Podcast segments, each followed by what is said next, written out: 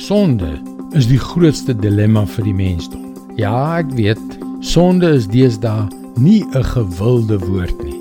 Baie mense sê dat daar nie so iets bestaan nie en dat dit slegs 'n oudtydse en irrelevante godsdienstige siening is.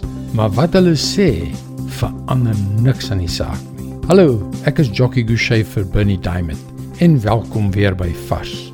En dan is daar selfs mense wat die bestaan van die mag van die bose, naamlik Satan, as nog meer verregaande en nog meer irrelevant beskou.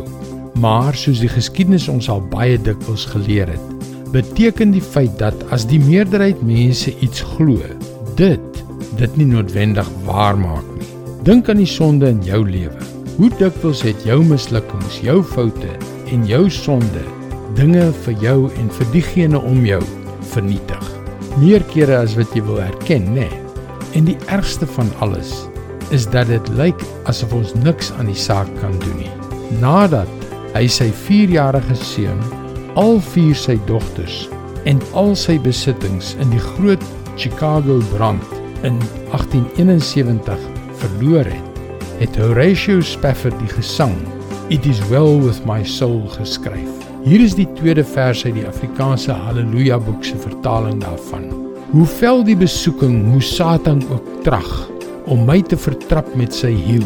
Steeds gryp ek weer moed want my Heiland is daar en hy stort nuwe krag in my siel.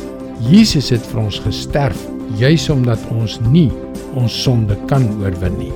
Kyk wat skryf die apostel Petrus aan vervolgde Christene wat verskriklike beproewinge ly. 1 Petrus 3 vers 18.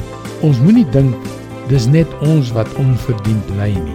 Ook Christus het so gely toe hy eens en vir altyd vir ons sondes gesterf het. As jy as gevolg van jou sonde ly en moedeloos voel omdat jy nie self jou probleme kan oplos nie, onthou dat dit juis is waarom Christus vir jou gesterf het. Sy liefde vir jou is so groot dat hy sy eie bloed vir jou siel gestort het. Dit is God se woord, vars vir jou vandag.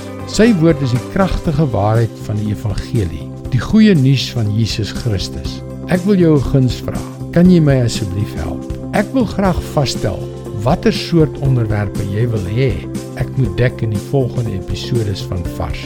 Deel jou gedagtes met my by teachingtopics.org. Wie weet of jou God-geïnspireerde idees nie dalk tot groot seën vir ander kan wees nie. Onthou, dis teachingtopics.org om jou sê te sê. Mooi loop. Tot môre.